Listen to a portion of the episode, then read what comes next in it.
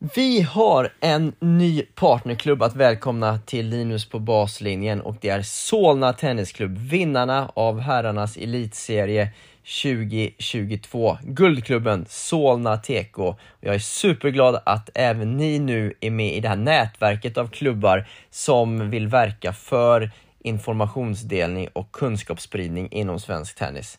Tack så mycket Solna Tennisklubb och jag ser fram emot ett härligt samarbete tillsammans.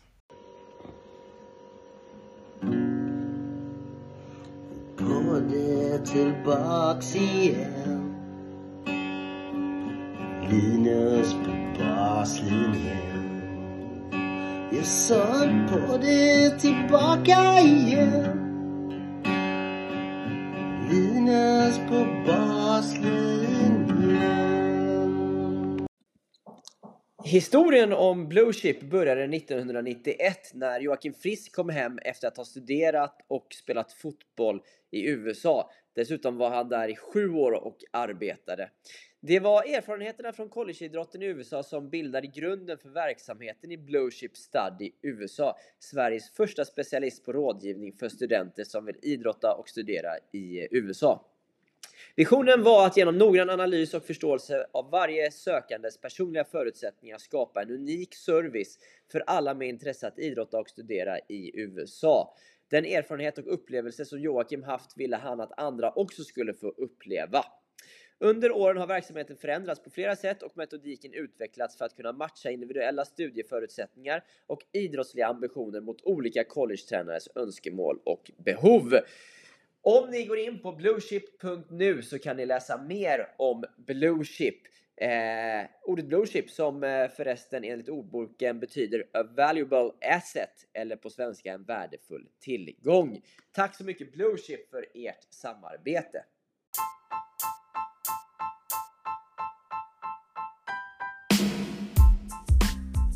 Ett nytt avsnitt av Linus på baslinjen podcast är här och idag tillsammans med Jan Janni Gunnarsson.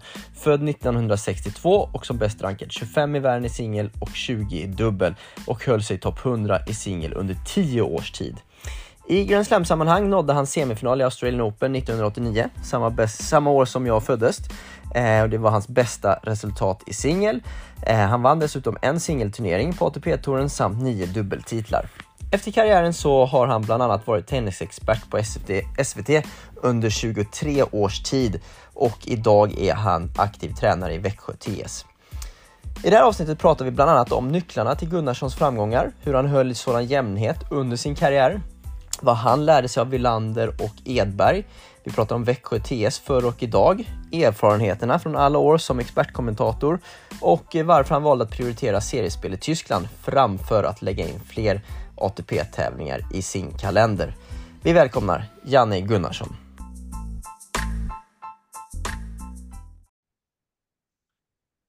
Då har jag den stora glädjen att få hälsa Janne Gunnarsson välkommen till podcasten. Ja, tack, tack Linus. Trevligt, jätteroligt. Det ska bli superkul. Eh, jag tänkte Janne, vi kommer börja med att du, du var ju, om jag har sett rätt nu, 25, rankad 25 i världen i singel, 20 i dubbel som bäst. Eh, hur blev du så bra på tennis? Jag började ju spela i Olofström, tränare där med Ingvar Björnsson väldigt mycket. Jag, jag sysslade ju hemma i Olofström, det var ju sjuan, åttan, nian framförallt. Eh, alla idrotter. Detta var ju liksom på 70-talet. Det fanns inte så mycket annat att göra. Jag spelade hockey, jag spelade fotboll, pingis och tennis. Jag kände nog att jag var nog bäst eh, i tennisen, så jag valde sista året där när jag gick 8-9 att äh, det blev nog mer och mer tennis. Jag tyckte det var roligt och det kändes att det var väl min grej. Och sen efter äh, nian, äh, då vann jag JSM både inne och ute. Äh, och då tänkte jag, prata med mina föräldrar, att jag kanske ska jag satsa på det här liksom. Och då fick jag erbjudandet att flytta till Malmö efter nian och spela med Stefan Svensson, Thomas Högstedt, Roger Jeppsson och sen var det också Katrin Jexell och Katarina Lindqvist där och vår tränare då Urban Ek var där mm. och eh, Malmö TK ville satsa på oss fem. Och, eh, så jag flyttade ner till Malmö då och där kom ju det extra lyftet absolut för då var det ju mm, efter nian var man tennisproffs, tränade två pass om dagen. Då kom det stora lyftet liksom. Okej, var ingen skola längre då eller? Ja, jag, jag studerade på gymnasiet matte, engelska, svenska. De tre ämnena på gymnasiet, samhällsvetenskaplig linje. Så det gjorde jag. På Ja. distans där nere och det, det funkar bra. Fick femma, fyra, fyra. Så det var okej. Jag la inte ner det. Utan, nej, men eh, det, det var skitkul. Vi hade kul där. Framförallt Stefan Svensson, Roger Jeppsson och jag. Vi, vi, vi var ett grymt team där kändes som. Och Urban Ek var fantastisk och rolig och körde hårt med oss. Och ehm, det var... eh, det var som jag sa innan, det, det, där kom det stora lyftet för mig de tre åren jag bodde i Malmö. Sen efter det så träffade jag min eh, blivande fru Katrin där nere. Hon är från Växjö. Och då för Malmös TK satsade tre år på det och sen så bytte de ordförande och sen så ville de inte satsa på det längre. Men då föll det ganska bra att då eh, flyttade jag till Växjö med min eh, nya tjej då. Jag var 19, hon var 16, men då fanns ju Mats Wilander här i Växjö och Kalle Hageskog. Ja. Så det blev ett perfekt övergång och då kom lyftet ännu mer att köra träning här med, med Mats Wilander, liksom två pass om dagen och Kalle Hageskog och Fidde Rosengren som, som övervakade. Så att eh, det var en väldigt bra röd linje för att kunna ta sig upp till eh, nummer 25. För jag var ju tennisproffs i 13 år egentligen och jag låg ju i 11 års tid, hela tiden mellan 25 och 100 på Ja. ATP-listan då. Tre gånger så var jag nere på 25. Det var 85, 87, 89 tror jag det var. Just det. Men jag, fick, jag spelade samtidigt tennis-Bundesliga nere i Leverkusen. Eh, och då, det var ju sex singlar då och man fick bara en utlänning på den tiden. Men då var ju tennisen i Tyskland enorm. Vi hade ju publiksiffror mellan 2 och 4 tusen varje match. För de hade ju Becker, Stich och Graf i Tyskland. Så då var det var ju också tennisens eh, högtid nere i Tyskland Ja. tennisen var som störst, störst i Tyskland då, den är inte lika stor nu, men då var det ju, det var ju sjukt roligt också. Det var ju augusti, september, sex veckor. Jag var där hela tiden då i tio år. Misstaget var ju då, eller misstaget, nackdelen då, det var att jag kunde inte spela US Open och de amerikanska tävlingarna. Jag missade ju sex veckor ATP-tour. Så det var ju lite svårt för mig att ta mig längre än 25. Jag kanske, tänker jag, att jag kanske hade kunnat ta mig ner till 13, 14, 15 om jag hade spelat de turneringarna. Det vet man ju inte. Det är bara frågetecken. Liksom. Det är man spekulerar, men lite så är det. Men jag, jag köpte det för Bayer Leverkusen. Eh, de, eh, det var bra betalt. Jag, det här huset får vi nu, det, det Bayer Leverkusen har byggt det kan man säga. Men, men, men, ja, precis. Det, det måste ju, även om det var kul att spela, måste det varit pengarna som gjorde att du tog beslutet att spela i Tyskland? Ja, absolut. Absolut. Men sen var vi också ett jäkla roligt. Jag har fortfarande kontakt med fyra, fem av de tyskarna som vi spelade ihop med. Vi hade ju i stort sett samma lag i tio år där liksom. Med, med tyska kompisar. De heter Mrons, Jessel, Gau. Eh, liksom, det var, vi var också där ett grymt team. Liksom. Men jag är, kanske är lite av en lagspelare. Eh, Tennis är individuell sport som du vet. Och eh, var själv hela tiden kanske inte så kul. Utan det roliga var ett lag och därför var jag kanske lite bättre i dubbel också. Spelade väldigt mycket med Mikael Mortensen i Danmark och eh, jag spelade visst, jag spelade. Spelade också dubbel med Wilander, Edberg, Järred. Det var ju svårt att ha samma partner hela tiden på den tiden, men mest spelade jag nog med Mikael Mortensen. Vi hade kul. Ja. Men du Janne, hur, hur, vad fick du för betalt i Tyskland? jag började ju där. Jag gick till semifinal i Köln, ATP-turnering 1900, vad var det? 82 eller 83, någonting sånt. Och då slog jag Stefan Edberg i kvartsfinalen. Han var ju ung då liksom. De såg, nej, jo i kvartsfinalen exakt. De såg den eh, kvartsfinalen liksom. Och då, eh, efter det så satt det ordförande i Bayer Leverkusen, deras sportchef. Och, och efter den- jag gick semi där i Köln så kom de med ett kontrakt och då tror jag fick 40 000 D-mark, 4 gånger 5, 200 000 var det då. Tjoff, 1983, det var ju otroligt. För jag skulle spela 10 matcher liksom. Ja visst, det skrev jag på. Så det ökade ju på sen och sen de sista åren fick jag kanske 600 000 700 000 då liksom slutet på 80-talet, början på 90-talet. Ja, det är inte Kul. dåligt. Det är... Då var det väldigt mycket pengar liksom. Jag tänkte att det måste jag göra. Och samtidigt var det kul. Och det, lag, jag hade bodde i en lägenhet där, liksom fick en bil, åka runt och ha det kul och träna. Och, så det var jäkligt seriöst på den tiden Ja, också. förstår jag. Det var inte bara-. Eh, men, men du, om vi går tillbaka igen till, till din juniortid, då var du egentligen en produkt mer av Malmö tennisklubb då, eller? Än Växjö egentligen? Ja, men det var ju en, som en trappa där liksom. Började i Olofström Mm. och sen kom jag upp på nästa trappsteg i Malmö. Och sen Ja. kom jag upp på ett trappsteg till när jag kom till Växjö. Ja. Så, så det Det- ena utesluter inte det andra. Liksom. Det, var, det var en resa som eh, betydde otroligt mycket för mig. Ingvar Björnsson, tränaren i Olofström, sen blev det Urban Ek, tränaren i Malmö. Och Mm. sen kom jag hit till Kalle Hageskog i Växjö. Så det var ju en eh, fantastisk resa som jag är otroligt tacksam för att jag gick igenom. Ja, ja, ja, jag förstår. För sen spelade du i Slamsen som junior också, va? Eh, du, du spelade Grand Slam som junior också, eh, eller? Ja, just det. Jag spelade, det gjorde jag. Jag gick till final i US Open 1979. Då var jag 17 år. Då åkte jag ju dit själv. Liksom. Det var ju också när man är 17 år och åka till New York. På den tiden, 1979, liksom. det var ju som att åka fyra varv runt jorden. Men det var kul. Björn Hellberg var ju där. Liksom. Han följde mig då. Stoppade in eh, mynt i sån automat. Gjorde intervju i Radiosporten där under lä- läktaren på Grandstand i sån eh, myntautomat. Han hade, han hade en hel kropp full med mynt. Han stoppade i där och gjorde intervjuer. Så det, det kommer man ihåg. Jag gick till final, förlorade finalen. Jag tror det var mot Ramesh Krishnan från Indien. Jag slog Ben Testerman i, final, eller i semi och sådär. Men ja, jag gick till final i US Open. Så var jag i kvarten i Wimbledon. Kvarten i Paris. Ja, det var de jag spelade.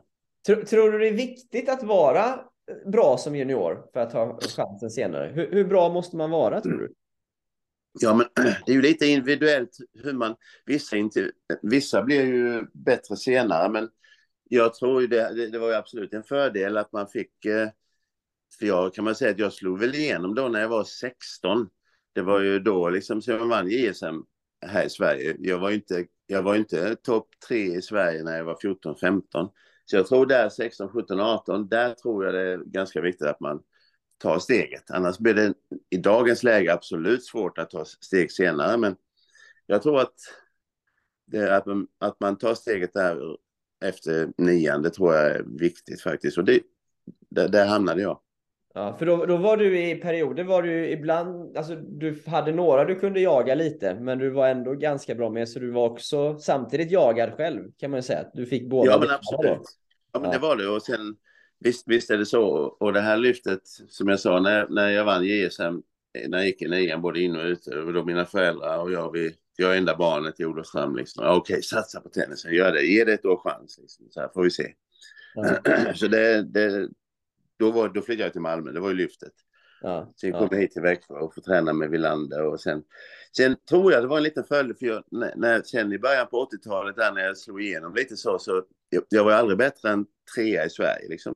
För jag hade ju alltid Edberg och Wilander framför mig. De var ju ganska svåra att eh, ta sig förbi. Men Ja. jag ser det som så att jag kunde ju liksom eh, gå lite under radarn. För när Wilander och Edberg förlorade en match så var det ju stora rubriker när de vann. Givetvis också stora, vilket de mest gjorde. Ja. Men jag fick ju inga, inga liksom, kritik om jag skulle förlora de här. Men när jag vann, då, då kom det ju upp någonting så att eh, jag, jag smög lite under radarn där, vilket, jag, vilket passade mig ganska bra. Tänker Ja, det jag. var, det var jag, så. jag ville, ja, men det var inte... Edberg och Wilander hade ju första sidor hela tiden. Då fanns ju inga sociala medier. Det, här, det var ju papperstidningar som var liksom. Men då, det, blev, det blev nog mer press om man eh, blev omskriven otroligt mycket. Men, men, men, men, men har du någon gång känt att fan att inte jag var, var alltså att inte jag var stjärna? Någon gång tänkte jag där, shit, varför spelade jag liksom Bundesliga i Leverkusen de sex veckorna, missade hela USA-touren? Absolut, har jag tänkt. För jag vet ju inte vad som hade hänt. Hade jag spelat väldigt bra på den touren så kanske jag hade fått ett riktigt lyft. Absolut hade jag tänkt det, men jag valde tryggheten Ja. framför att chansa. Mm. Annars hade du inte bott i det här huset idag kanske? Man vet aldrig. Man vet ju aldrig. Kanske hade ja, bott i Trelleborgs slott. ja, exakt, exakt. Men, men Nej, jag bara skojar. Hur, hur var det då att komma fram i en tid med så otroligt många bra svenska spelare? Det, det var ju liksom en, en era som var helt har svårt för mig att förstå så här nästan. Ja, vi, vi hade ju fantastiska år faktiskt och vi får tacka Björn Borg för det, för det var ju tack vare hans framgångar från 75 till 81 som vi eh, kunde satsa på tennisen, ville satsa på tennis för, han, det var ju Borg och Stenmark som var liksom eh, de stora stjärnorna och skidåkningen var inte riktigt min grej då. Eh, mm. kanske inte nu heller, men tennisen, det var ju fantastiskt att kunna mm, följa med det här gänget som satsade på tennisen och vi var ju på 80-talet, vi var ju 14-16 stycken svensk herrspelare i, i Grand Slam-turneringarna. Det var 128-lottning, men då var vi 14 till 16 stycken svenska huvudlottningar. Vi var, det var i flera år där i slutet på 80-talet. Ah. Så det var ju också där man kunde gå lite under radarn. Så här. Det var ju Edberg Wlander som, som var de stora dragplåsen. Liksom. Någon gång fick man komma in på centercourten Grand Slam, men ofta höll man ju till där på banorna 6, 7, 8, 9. Men det var egentligen skönt. Jag tyckte det då och ja. med facit i hand så tycker jag det idag med. Ja, ja. Men, men precis. Men tr tror du att du hade eh, växt på ett annat sätt om du varit nummer ett liksom? Alltså nu, nu säger du att man kunde flyga lite under radarn så här liksom. Och jag förstår mm. att det är skönt ibland, men men eh, man kan ju också växa av att få ta det stora ansvaret, tänker jag. Ja, absolut. Det är helt rätt. Min tränare då, Kalle Hageskog, sa det. Hade du tränat kanske en tre kvart mer om dagen så kanske jag hade kunnat tagit det här. Jag kanske skulle borde ha tränat lite, lite till. Men vi var ett grymt team, alla vi, låt säga 12-14 stycken herrspelare som var på touren där vi, vi höll ihop. Vi var ute och käkade tillsammans på kvällen, vi tränade ihop. Vi var som ett team. Vi hjälpte varandra också och stöttade varandra. Man eh, kom fram till, ja, du mötte ju den här spelaren förra veckan. Eh, vad hade du för taktik? Och, sen, och vice versa. De kom fram till mig. Ja, du mötte ju han. Så vi, vi hjälpte varandra, gav oss råd. Vi var, det var verkligen ingen sån konkurrens. Givetvis när vi möttes var det det. Men vi ja. hjälpte varandra och vi stötte vi satt och hejade på varandra. Och alla hjälpte varandra. Vi, vi var ett grymt team på den tiden. Vi var, det var inga egoister. Det var verkligen, vi var lagspelare som hjälpte varandra ja. till framgång. Och det, det, det var en fin, fin grej faktiskt. Det kanske det inte är idag när man tittar jag pratade lite med Fille Rosengren, han är ute och reser mer nu, men du vet nu är det ju det egos. Det, det är en spelare där med ett, med ett team runt omkring sig på fyra, fem stycken. Det är en fystränare, en tennistränare, det är eh, massör och, liksom, och psykologisk tränare. De sitter där i ett team, nästa team sitter där. De sitter utspridda, men vi satt vi, jag hade ju inte råd på den tiden att ha en coach som resa med. Det hade ju Wilander och Edberg, möjligtvis hade de. Men ändå så var vi ett team, vi hjälpte varandra och vi umgicks. Ja. På det sättet tror jag vi hade roligare på 80-talet än vad de som spelar nu har idag. Men visst, pengarna är ju så mycket mer nu. Jag var i semifinal Australian Open 1989 och jag tror jag fick 400 000 kronor för en semifinal. Idag får man ju, har jag hört, 600 000 om du förlorar första omgången. Liksom. Så prispengarna har ju skenat, vilket är kul för dem. Men samtidigt är det svårare för de som ligger 200, för det är inte så lätt att spela på kärlinjetouren och sånt, för där är det ju väldigt lite prispengar och dåliga poäng. Så att det är ju topp 40 som tjänar enorma pengar, men ligger du 200 i världen idag så är det ju väldigt tufft. Så jag tycker där att ITF borde jämna ut prispengar lite mer i de här mindre tävlingarna, att ge dem också möjlighet att kunna ha chans att satsa på heltid. För man måste ju kunna leva på sin tennis. Och ja. många får ju lägga av då och söka andra jobb. Och det tycker jag är synd.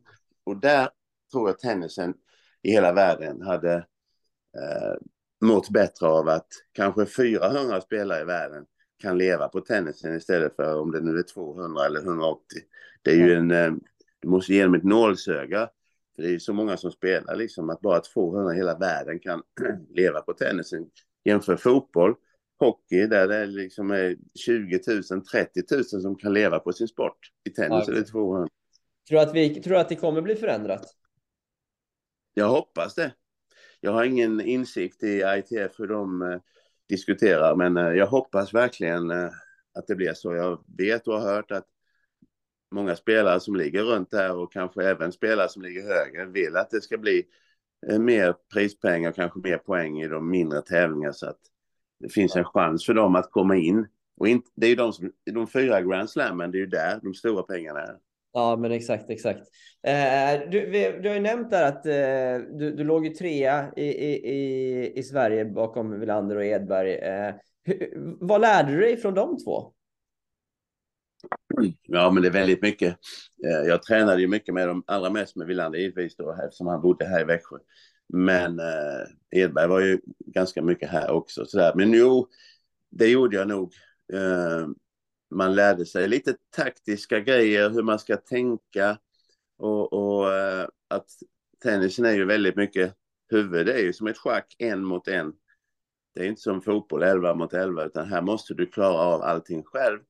Och man kom ju på ganska snabbt att även om du gör 40 misstag i en match så kan du ändå vinna. Man ser här nu Nadal, Djokovic och Federer, de, de gör ju i turneringarna 60 misstag varje match i Grand Slam.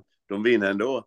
Man kan inte bli förbannad varje gång man missar en boll utan försöka titta framåt, titta nästa, titta nästa. Vad gör jag för fel där? Och försöka analysera, göra det svårt för motståndaren.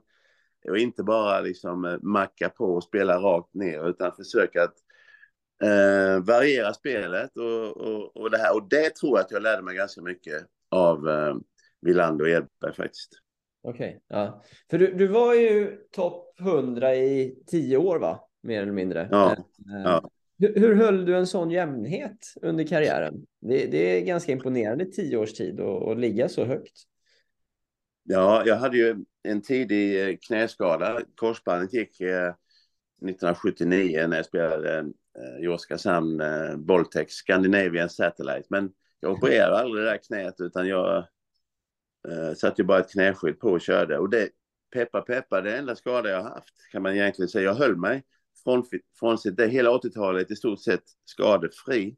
Ja. Och uh, det tror jag betytt mycket liksom att jag inte fick några andra skador. Det, det, det, är ju lätt att stöta på någonting. Men jag tyckte samtidigt det var roligast att spela matcher.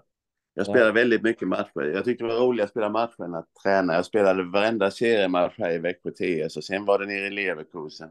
Om det så var Smålandscupen här i Växjö. Jag tyckte det var allra roligast att spela matcher. Jag tror att jag lärde mig ganska mycket genom att kanske spela flest matcher på ett år eh, av alla egentligen. Även om de här elitserien här eller om det var Smålandscup eller vad det var så kände man ju inga pengar. Det var inte det, men det var att jag tyckte tennisen var roligt och det roligaste var att spela matcher. Roligare än att träna. Mm. Och jag tror att på grund av att jag spelade så många matcher varje år så höll jag den jämna nivån. Jag tror det. Men när du spelade matcher, kunde du också jobba på saker samtidigt? Eller var det liksom mer fokus på att du ville vinna varje gång du gick ut där? Hur... Både och. Givetvis vill jag vinna varje gång. Jag hatade även idag förlora, så att vinnarinstinkten var där. Men givetvis så, så eh, uh, jobbade jag på mina styrkor och svagheter. Serve och forehand var väl mina, mina styrkor. Men när jag spelade mycket här hemma i Växjö så försökte jag komma fram på nät lite mer. Uh, och eh, förbättra min volley. Där tittade jag ju på Edberg mycket givetvis. Att eh, inte bara vara vid baslinjen utan att eh, jobba mig framåt lite mer. Och det tror jag Wilander gjorde också. Man såg när Wilander vann 88 mot Lendl i, i US Open så gick han också fram på nät lite. Så att vi utvecklade vårt spel allihop. Uh, Wilander, när han 82-83 kom fram så var han bara vid baslinjen. Men 88-89 så gick han också fram på nät. Så att tennisen utvecklades och vi utveck utvecklade oss också på ett offensivt sätt, alltså offensivare tennis. Ja, ja. Den utvecklingen kom på 80-talet. Det kom ju fram Boris Becker, Ivan Isevic och de här Sampras. Det var ju liksom, det var ju fram på nät. Så ja. den utvecklade ju vi alla. Ja, okej. Okay. Vad, vad eh, så här i efterhand, eh, Janne, vilka, när du ser tillbaka på karriären, vilka är de roligaste minnena du har? Vad, vad ja, men det roligaste, det var nog i och för sig när jag slog Boris Becker när han var världsetta 1989. Stockholm Open och det var Globen. Fullsatt Globen, 13 000. Jag hade ju tur där för Becker hade vunnit eh, Paris-Bercy veckan innan. Så han kom och var lite sliten, vilket var bra för mig. Men han var ju etta i världen och jag var väl kanske, jag ingen aning, men kanske var 25 då. Men det var ju åttondelsfinal så fick jag möta Boris Becker och vann 6-4, 7-5. Inför det jublet där i en fullsatt Globen, det är nog så för en match den absolut största att vinna där. Det var otroligt spännande. Och sen givetvis semifinal i Australian Open och min ATP-turnering jag vann i Wien. Eh, åttondelsfinal i Wimbledon och så här. Men du menar en, enskilda matcher så var det nog så var det nog den i, när jag slog Becker. Visst, jag slog Wilander i uh, Indian Wells och Philadelphia och så där, men vi var kompisar. Så det, det, det sätter man inte på samma sätt. Men att slå Becker där och visst, jag slog Michael Chang i Paris. Eh, kanske den bästa grusmatchen jag har gjort på centercourten i Paris. Eh, slog jag Michael Chang då som var en av världens bästa grusspelare, vann i två set. Det är sådana här matcher man fortfarande kommer ihåg lite grann, även om det är 40 år sedan. Ja, det är häftigt ju. Det är riktigt häftigt. Hur, hur, hur, mycket betydde de olika ledarna du hade under din, din karriär för dig? Eh, var det någon som ja, men de, mer? De betyder mycket. Jag hade ju inte eh, ekonomi att ta med dem på resor mycket. Fidde Rosengren var ju med i slutet eh, på några resor och sådär. Men jag, hade ju, jag får tacka dem verkligen mycket. Ingvar Björnsson i Olofström, Urban Ek i Malmö och här i Växjö, Kalle Hageskog, Fredrik Rosengren. Det är de fyra ledarna, tennistränare som har betytt allra mest för mig. Utan dem vet jag inte vad som hade hänt. Kanske inte alls hade hänt så roliga saker på tennisbanan. Så en stor, stor eloge till dem. De är jag tacksamma för. Vad, vad, tror du tränaren har för betydelse för en spelare? Hade du blivit topp 100 ändå, tror du? Eh, eller, eller det är väldigt svårt det är väldigt svårt att säga. Det, det kanske jag inte hade blivit, men som sagt när jag reste så o, ofta åkte jag ju själv. Mm. Uh, för jag hade inte råd att ha någon tränare med på den tiden. Och, uh, givetvis hade jag haft en tränare med där hela tiden kanske det hade gått ännu bättre. Jag vet ju inte, men jag försökte att fokusera själv och göra det bäst uh, som man kunde då. Och förbereda mig inför alla matcher, analysera motståndaren. Hade jag haft en en, en, två ögon till från en coach, kanske. Vad vet jag, Linus? Jag vet inte, det kanske har gått bättre. Men, men, men, du, när du låg 25 i världen, hade du inte råd att ha coach med dig då? Jo, då var ju Fille Rosengren var ju med mig i tre år. Eh, okay. mina tre sista år. Det, det, var men inte alla resorna, för han var ju anställd av Växjö TS här då. Men han åkte ju, jag kommer inte ihåg många veckor, men han kanske åkte 12-14 veckor om året. Det var okay. Fille Rosengren med. Mm. Så det betyder absolut väldigt mycket. Ja, ja. Eh, efter karriären då, Janne, så, så har du gjort lite olika grejer, men du är kvar inom tennisen. Berätta lite hur du resonerade när du valde att, lägga racket på hyllan och vad du tog dig an då. Ja, 1995 så, eh, så eh, exakt, då hade jag dalat på ranking och så här så att då, vi hade tre barn här hemma och så här så att då byggde vi det här huset, flyttade till Växjö och då Magnus Larsson och jag, vi eh, öppnade en sportbar här i Växjö. Ett diskotek, sportbar. Det hade vi i nio år. Så det gjorde jag. Sen eh, eh kom jag in på SVT och jobbade som expertkommentator där i 23 år. Lång samtidigt, tid. Ja, samtidigt så eh, eh, jobbade jag här på lokalradion och kommenterade fotboll och ishockey med mycket öster. På den tiden öster så kom Växjö Lakers, Tingsryd, Troja och det här. Så att det var, jag hade det var en bra övergång. Jag hade hela tiden någonting att göra. Så när jag la av med tennis så hade jag en krog i Växjö. Eh, jobbade på SVT som tennisexpert. På lokalradion här kommenterade idrott. Samtidigt så eh, fortsatte jag att spela tennis, för jag spelade fortfarande eh, nere i Tyskland. Det blev inte Bundesliga längre, men jag åkte ner i andra ligan. Så jag höll på att spela. Jag spelar än i Tyskland idag. Nu spelar jag i Berlin, här 55. Eh, den högsta ligan. Så att sedan 1983 så har jag spelat varje år eh, lagmatcher nere i Tyskland. Det... Ja, det, är så, det är så roligt fortfarande, eller? Ja, men det är det ju, för nu möter man ju lika gamla gubbar som mig. Liksom. Så innan var det ju herrar 30, sen blev det herrar 40, herrar 50 och nu är det herrar 55. Så ja, men det, det är ju en extra sporre att hålla igång sin tennis. Ja. Uh, och att uh, spela matcher är fortfarande mycket roligare än att träna. Liksom. Det tycker jag. ju. Men eh, jag jobbar som tränare nu eh, 18-20 timmar i veckan här på Växjö så det är fantastiskt roligt. Vi är ett fantastiskt team här nere med Kalle Piblad och Emil Holmgren som, som eh, sitter där uppe och styr det hela. Sen har vi grymma tränare, liksom Magnus Larsson och jag är där, Kumlin, Pontus Norberg. Vi är ett grymt team, så det är otroligt roligt att komma ner till klubben. Liksom, att det är bara glädje. Och många duktiga ungdomar, både killar och tjejer, att, eh, att ha och se på och försöka träna lite grann. Eh, om, om, lite kort om Växjö där. Tro, vad, vad, är det Växjö gjort så otroligt bra i, i så många år under i historien som fått fram så mycket bra spelare? Vad är din take på det? Ja, först så var det ju Åke Magnusson, Kalle Hageskog på 80-talet som var där. Och eh, så kom ju Villander fram och sen eftersom jag, jag bodde Olofström nio mil söder om Växjö så och sen träffade jag ju min blivande fru här uppe också. Men just att jag och Wilander var där och tränade. Sen eh, kom ju Björk, Jonas Björkman upp, Magnus Larsson kom också från, från Olofström hit. Hageskog var ju navet egentligen där då som, som eh, eh, mentor och eh, coach. Och Niklas Kron kom hit. Peder Rosengren var här och Edberg bodde ju i och för sig i Västervik då, men han var ju också ibland här och tränade. Liksom. Det var ju ett eh, härligt, härligt team. Det var ett 80-90-tal pratar jag nu liksom. Och sen blev det ju en dipp när allihopa vi la av liksom. Det var väl dipp som i hela Sverige blev liksom. Var, Söderling var ju själv länge ett tag. Ja. Men jag tycker det, när man tittar nu på ungdomsverksamheten i Sverige att eh, vi är på väg tillbaka. Det känns lite så. vad är det som får dig att känna så? Ja, men jag tittar ju här, här är det ju mest eh, Magnus Larsson, Kumlin och Pilblad som håller i tennisgymnasiet här liksom. Och eh, när man tittar på dem, jag tränar inte dem så mycket nu, jag tränar andra, men det är väldigt kul att se deras entusiasm och de är ambitiösa, trevliga och eh, ja, väldigt seriösa, liksom tränar hårt. Då ja. säger Pilblad till mig, ja men de är cirka 15 i Sverige. Och jag hade ju tänkt att de är bättre än 15, men det måste vara ett tecken på att svensk tennis verkligen är på G igen.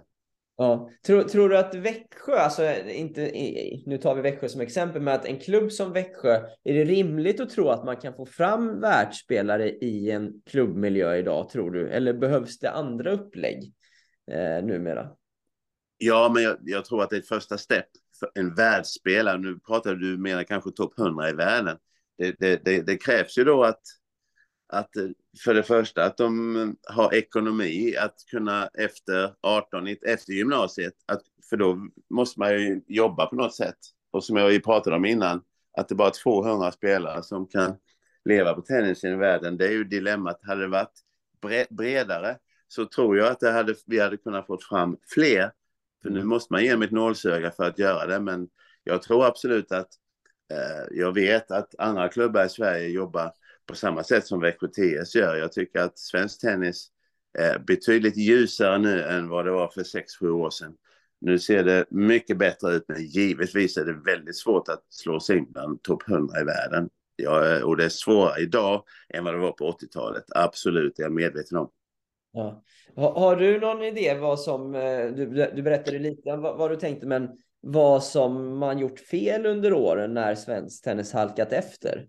Eh, går det att säga? Jag har inte specifikt? Ja, men jag har inte varit så involverad i det där, så jag kan inte säga, men jag personligen tyckte ju att jag säger till dem här också, spela mycket tävlingar, spela mycket matcher. Spelar ingen roll vad det är. Spela, spela, spela match, match, match.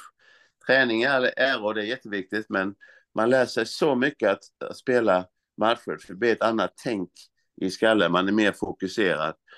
Så att eh, det är med det tips jag kan ge dem, att eh, spela så mycket matcher ni kan. Ja, och det, det, har man gjort för lite tänker du i perioder eller? Men jag, som, som jag sa, jag är inte så involverad i svensk tennis de sista åren, så jag vet inte hur många matcher de spelar, men ja. jag tror det. Det är min filosofi att eh, öka matchdosen. Har ni bara rätt talang, rätt entusiasm, intresse, så kommer det gå bra. Ja, Ja, det, jag hoppas du har rätt. Eh, du, du sa att du kommenterade tennis på, på SVT i, var det 23 år du sa? Eh, ja, precis. Ja. Hur, eh, hur var det? Det måste varit en jäkla ja, resa. Det, det, var intressant och kul. Det var ju först med Björn Hedman och sen de sista 20 åren var det med Johan Ejeborgs. det var ju 20 år och på den tiden så sände ju SVT väldigt mycket. Nu är det så mycket pay tv och sånt så och sen kom ju min, jag krockade med en älg här för ett år sedan liksom, så nu, nu kan jag inte vara så koncentrerad så länge så att nu har Magnus Gustafsson hoppat in där och han gör det med bravur så att det, det är klockrent. Nej men det var, det var väldigt roligt. Eh, Johan Eibo och jag, vi är fortfarande kompisar och vi eh, åkte runt väldigt mycket på Grand Slam-turneringar, Davis Cup. Eh, runt om i världen och ibland satt vi i Stockholm och kommenterade men då var det Båstad och Stockholm hela tiden också. Vi, vi, vi sände liksom när Sverige hade eh, toppade eh, med många spelare och så där. Sen så blev det ju mindre och mindre SVT när vi inte hade några svenskar som var med liksom och då tog ju andra kanaler över det hela men eh, det var ett eh, det var ett bra komplement 23 år efter min tenniskarriär att få jobba med Ejeborg och SVT som tennisexpert. Det var okul, väldigt roligt och inspirerande och lärorikt. OS var vi flera gånger också. Häftigt. Är det svårt att kommentera? Men i början så var man ju lite spänd och sådär men sen Sen lossnade man har sina roller. Ejeborg är journalistrollen, jag försökte vara tennisrollen. Liksom, det tycker jag är viktigt att man, man har två olika roller. Man sitter två där och vi, tycker jag. Vi harmonerade bra. Eh, efter något år där så visste vi precis våra roller, vad vi hade. Ja. Eh, så att, eh, det, nej men det var inspirerande, kul, lärorikt. Ja, ja. Och det här med att liksom när du är expert, att du förväntas ha åsikter då. Eh, hur, hur har du tacklat den rollen? Eh. Ja, men man kan, allt är ju inte guld och gröna skogar. Det, det, hör man ju ibland att de är väldigt positiva. Allting är det, oh vad bra, oj vad bra, bra. Men eh, det var ju min roll, var eh, säga positiva saker och även negativa. Man måste vara, man måste vara ärlig mot ja. tittarna. Eh, och eh, visst, jag, fick ju, jag kritiserade ju Robin Söderling när han eh, i stort sett sket i en match när han var Sverigeetta nere i Båstad, förlorade 6-1, 6-2 eller någonting sånt. Och jag, ja. då kritiserade jag honom och han, han, pratade inte med mig på tre år och hans mamma ringde och tyckte hur kan du kritisera min son på det sättet? Ja, men det är mitt jobb. Jag är tennisexpert. När Robin gör bra grejer berömmer jag honom. När han inte gör en bra grej så måste jag ju säga det. Jag kan ju inte säga åh, vad bra match. Det, jag kan inte ljuga för tittarna. Man måste ju vara ärlig. Men han snackade inte med dig på tre år? Nej, nej. Vi, nej, så var det. Men jag tror att han har han förstår nog att jag, det var inget personligt. Det var, det var för de kanske 800-900 000 svenskar som tittar. Jag måste ju vara kritisk när man ska vara kritisk och positiv när man ska vara positiv. Jag är rak och ärlig mot, eh, mot tittarna och även mot spelarna. Liksom. Ja, just det. Vad tycker du om Mikael Ymers eh, utspel de sen, det senaste året? Ja, jag har inga kommentarer på det här egentligen, men jag tycker det är kul nu. Sista, sista tiden har ju tycker jag blivit en eh, bättre person. Nu, nu säger jag det utifrån liksom. Ja. Jag har ju förstått att han ville inte spela Stockholm och Båstad för något år sedan för han ville ha mer betalt. Ja. Det var ju det vi tyckte var roligast. Alla vi spelare, vi pratade om vi 16 eh, som var på touren. Åh, spela Stockholm och, och Båstad, det är ju fantastiskt roligt. Vi vill inte ha några startpengar för att göra det, för Tennisförbundet har gjort så mycket för oss. Självklart ska vi spela Stockholm, Båstad dessutom få spela hemma inför den svenska publiken. Det är ju det roligaste. Ja. Så vi, jag kunde inte förstå, många med mig kunde inte förstå när han nekade framförallt Båstad. Eh, men jag tror att han har nog eh, förstått det, tänker jag, och eh, resonerar på ett annat sätt nu. Jag tror och hoppas det. Och han spelar ju väldigt bra tennis. Det är roligt. Ja, verkligen.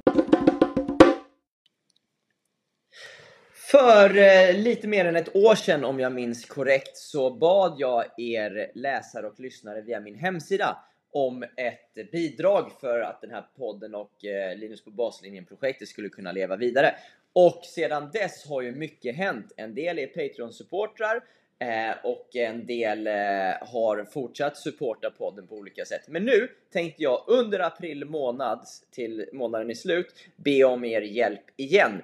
Eh, om ni är med och swishar in ett engångsbelopp som stöttning till den här podden så får ni tack vare mitt samarbete med House of Bontin, sponsorn som har varit med under lång tid, eh, så får ni alla ett trepack Hobsports lindor eh, och en dämpare som tack för hjälpen.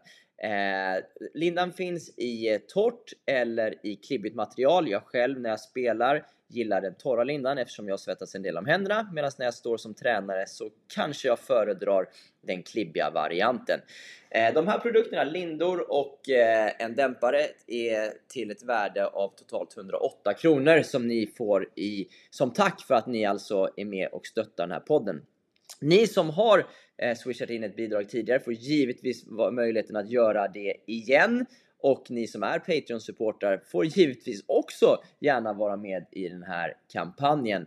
Alla är välkomna, tillsammans är vi starka. Stort tack till både House of Montin för det långtgående samarbetet och stort tack till alla ni som är med och stöttar det här projektet.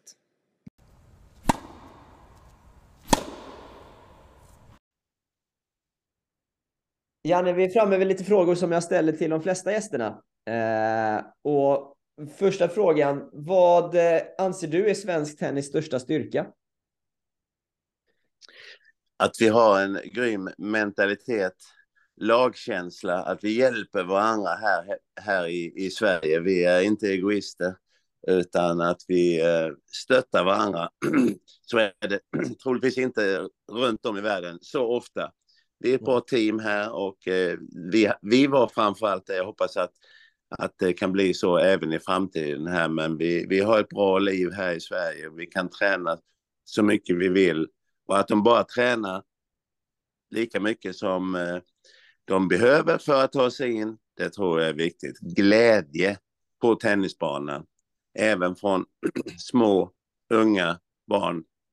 Att de har roligt och eh, inte för mycket press från eh, föräldrar och, och, och eh, ledare att de är sju, åtta och det ska vara seriöst, men det ska vara glädje. Det mm. ser jag här på Kalle Piblad i VKTS.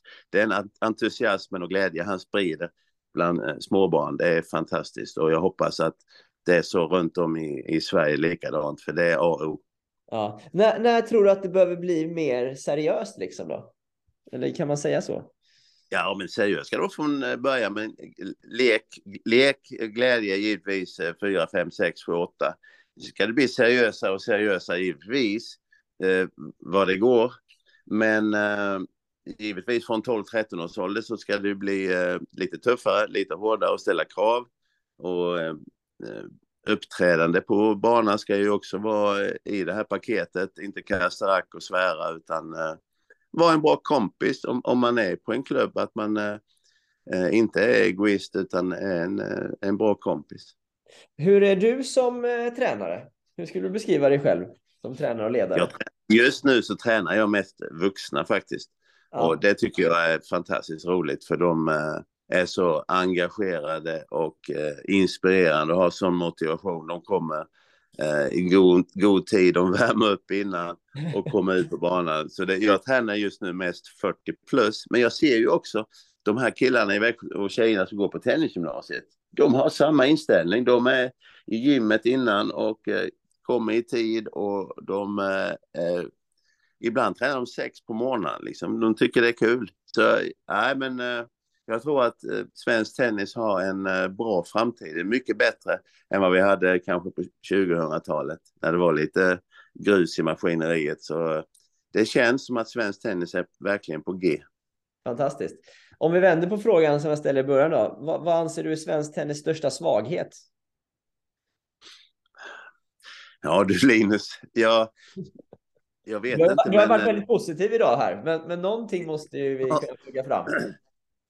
Jo, men, men det här som eh, Mikael Ymer kanske gjorde för några år sedan, det där ska vi, ska vi ju inte se att eh, man ska vara egos, liksom, ah, ska jag spela i Båstad så ska jag ha så och så mycket pengar. Det ska ju bort. Och det är ju bort hos Mikael Ymer nu, jag förstår. Jätteroligt. Jag önskar han all lycka på tennisbanan.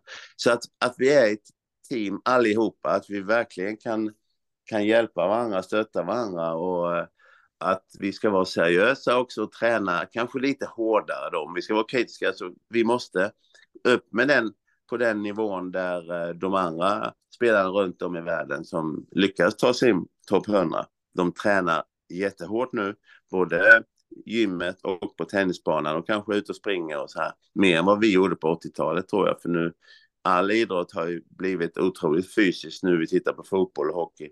Om man tittar på 80-talet jämför med nu det är ju mycket mer fysik och så är det ju på tennisbanan med. Kolla på de här Grand Slammen, Djokovic och, och eh, Nadal, Federer, vilka nu man tar. Vi kan ju bara Andy Murray här nu senast som spelar fem set. De åker fyra timmar i, i hetta. De blir ja. knappt trötta, sen vilar de en dag, sen kör de likadant igen. Så ja. fysiken kanske vi måste öka lite på eh, här i Sverige jämfört med hur de gör i, runt om i världen, för de är väldigt vältränade nu för tiden. Och det kanske vi måste få upp fysiken lite, lite mer så man är mer uthållig och åka spela femsetare. Just det, just det. Eh, en film eller bok som du hämtat inspiration ifrån? Jag har inte läst så mycket sådana tennisböcker, så det, det kan du ta bort. det, det är sant. Jag kan inte sitta och ljuga och säga att det är Brad Gilbert eller Agassis bok, för jag har inte läst dem. Så det, det, har jag inte gjort. Jag har inte tagit så mycket inspiration från böcker. Mer från tv, titta, titta på tv mycket tennis. Där kan man ju lära sig otroligt mycket och titta på Grand Slam, hur världsstjärnorna agerar, eh, både på banan och eh, kanske vid sidan, hur de försöker sätta sig in i deras huvud, hur de tänker just i de här matcherna. Det är ju maskiner. De, är, tennis är ju eh, 50% huvud, liksom 5% fotarbete. Det gäller ju att, att verkligen vara fokus i tre, fyra timmar och inte ja. tappa fokuset. Kyrgios är ju en, han är ju kanske världens bästa tennisspelare egentligen, men han klarar inte att hålla fokus hela tiden. Han eh, flippar ut ibland. Men, men de andra topp fem, det är ju fantastiskt att se. Och även, även tjejerna, de spelar bara bäst av tre, men otroligt. Eh, ja, tennisen idag är ju fantastiskt rolig att titta på faktiskt, både här och damsidan. Jätteduktiga killar och tjejer.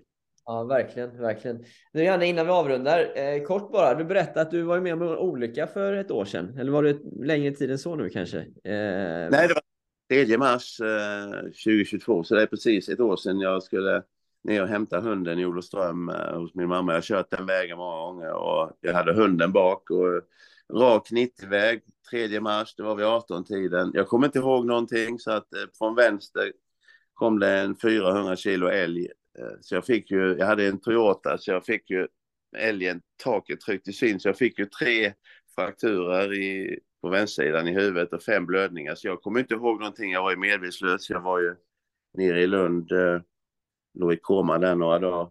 Eh, men jag måste berömma den, jag har inte träffat honom, den läkaren, som, den hjärnläkare, huvudläkaren nere i Lund som inte ville borra i skallen. Han eh, sövde ner mig istället. Och, uh, så jag kom ju tillbaka på det sättet. Uh, jag vill verkligen tacka honom, stor tacksamhet. Sen var jag på rehab här i tre veckor i Växjö. Uh, men i början, jag kommer inte ihåg någonting, när jag vaknade där så visste jag inte Läkarna sa ju till min familj, min fru och mina tre barn, det är inte säkert han känner igen er, det är inte säkert han kan prata med er. Men eh, det gjorde jag ju. Det första jag sa när jag vaknade så tittade jag på min son Johan och sa att Johan, jag är kiss nu. Jag kommer inte ihåg detta. Jag kom, I mars förra året kommer jag ihåg väldigt lite från. Så jag är väldigt tacksam att jag kun, kan nu sitta och prata med dig, att jag kan spela tennis och så här. Så att eh, det var ju ett... Eh, jag har åkt ner dit och jag har blivit som, eh, vad säger man, ambassadör för älgskyddsföreningen, här, älgskadeföreningen nu. Var och filmade där nere på den platsen där, där, där, där det small. Liksom. Så att eh, jag kommer inte ihåg någonting, men jag får tacka också räddningstjänsten i, i Växjö här och som var där. För på nya bilar nu så eh, när airbagen exploderar ut så går det ju ett larm till räddningstjänsten så de vet ju att nu har det hänt någonting. Och eh, de ser ju GPSet på bilen var jag är. Så de var ju där från Värends räddningstjänst. De var ju på plats på en kvart. Oh, det, ja, det är en ödeskog. Det var inte så många. Det var någon som stannade har jag förstått också, sen som jag har träffat också. Men som sagt, jag är ganska tacksam. Jag kommer inte ihåg någonting från älgolyckan. Och första veckorna där har jag i stort sett inget minne av heller. Så att, eh, nej, jag hade, det var väl en skyddsängel. Jag får tacka eh, Toyota som eh, hade en säker bil och eh, att jag lutade mig lite bakåt när jag, när jag sitter och kör. Att jag inte sitter rakt upp för då har jag fått tak. Då har jag nog inte suttit här nu. Så det, man får ta vara på livet, njuta av varje dag. Man vet inte, det är på en sekund så kan sånt hända. Liksom. Wow, vilken historia alltså. Eh, ja. Ja, nej, verkligen, verkligen. Eh, nu, nu kanske det var en bra avslutning egentligen, men sista frågan brukar ofta vara, vill du rekommendera någonting? Vad menar du? Ja, vad som helst. Finns det något du skulle vilja rekommendera lyssnarna? Tennis, eh, utanför tennisen, vad, vad som ja, helst? Nej, när sånt här händer, nu är jag tillbaka igen här med, med en sån, att det kan komma en älg i huvudet som väger 400 kilo på, eh, på noll tid, liksom. Att man ska njuta av livet, verkligen, och ta vara på det livet vi har, det är ganska kort. Och inte titta så mycket i backspegeln, utan titta framåt. och eh, dag för dag för dag försöker göra det bästa av eh, livet varje dag faktiskt. Och om man nu satsar på tennis, gör det ordentligt när man är 14, 15, 16, 17. För den tiden kommer ju aldrig tillbaks. Så eh, har ni möjlighet och chans att satsa på tennis, gör det också 100 procent. Vad man än gör. Nu är jag 60 år, nu har jag förstått det. Jag kanske borde också ha gjort det när jag var i den åldern. Man, allting är guld och gröna skogar, man lever liksom det happy life. Och självklart ska det vara det, men 10 procent mer seriöst. Lycka till med tennis så säger jag bara. Ja, fantastiskt Janne. Tack så jättemycket för att du tog dig tid att vara med här och berätta om dina erfarenheter. Tack Linus, ha det så bra. Så fantastiskt många spelare vi hade i Sverige för Vi har sagt det förr och kan säga det igen. Eh, helt otrolig eh, historia vi har i Sverige. Jättekul att ha med Janne Gunnarsson. Det kändes som att det var på tiden att vi fick med honom här. Eh, och eh, jag har ju hört andra poddar med Janne med, eh, det finns mycket stories, mycket anekdoter, en härlig kille och jag tyckte ju framförallt att det var intressant att höra det här med hur han prioriterade seriespel här. Eh, en fråga som många spelare på olika nivåer eh, ställs inför, hur man, ska, hur man ska lägga upp sin kalender. En bra tävlingsplanering kan ju vara ja, skillnaden mellan att nå riktigt, riktigt högt och att eh, ja, nästan inte nå högt alls. Eh, Janne var ju världstoppen, men ändå intressant att höra hur han eh, ställdes inför de här besluten eh, också. Tack för att ni lyssnade på avsnittet idag. Vi är snart tillbaka igen.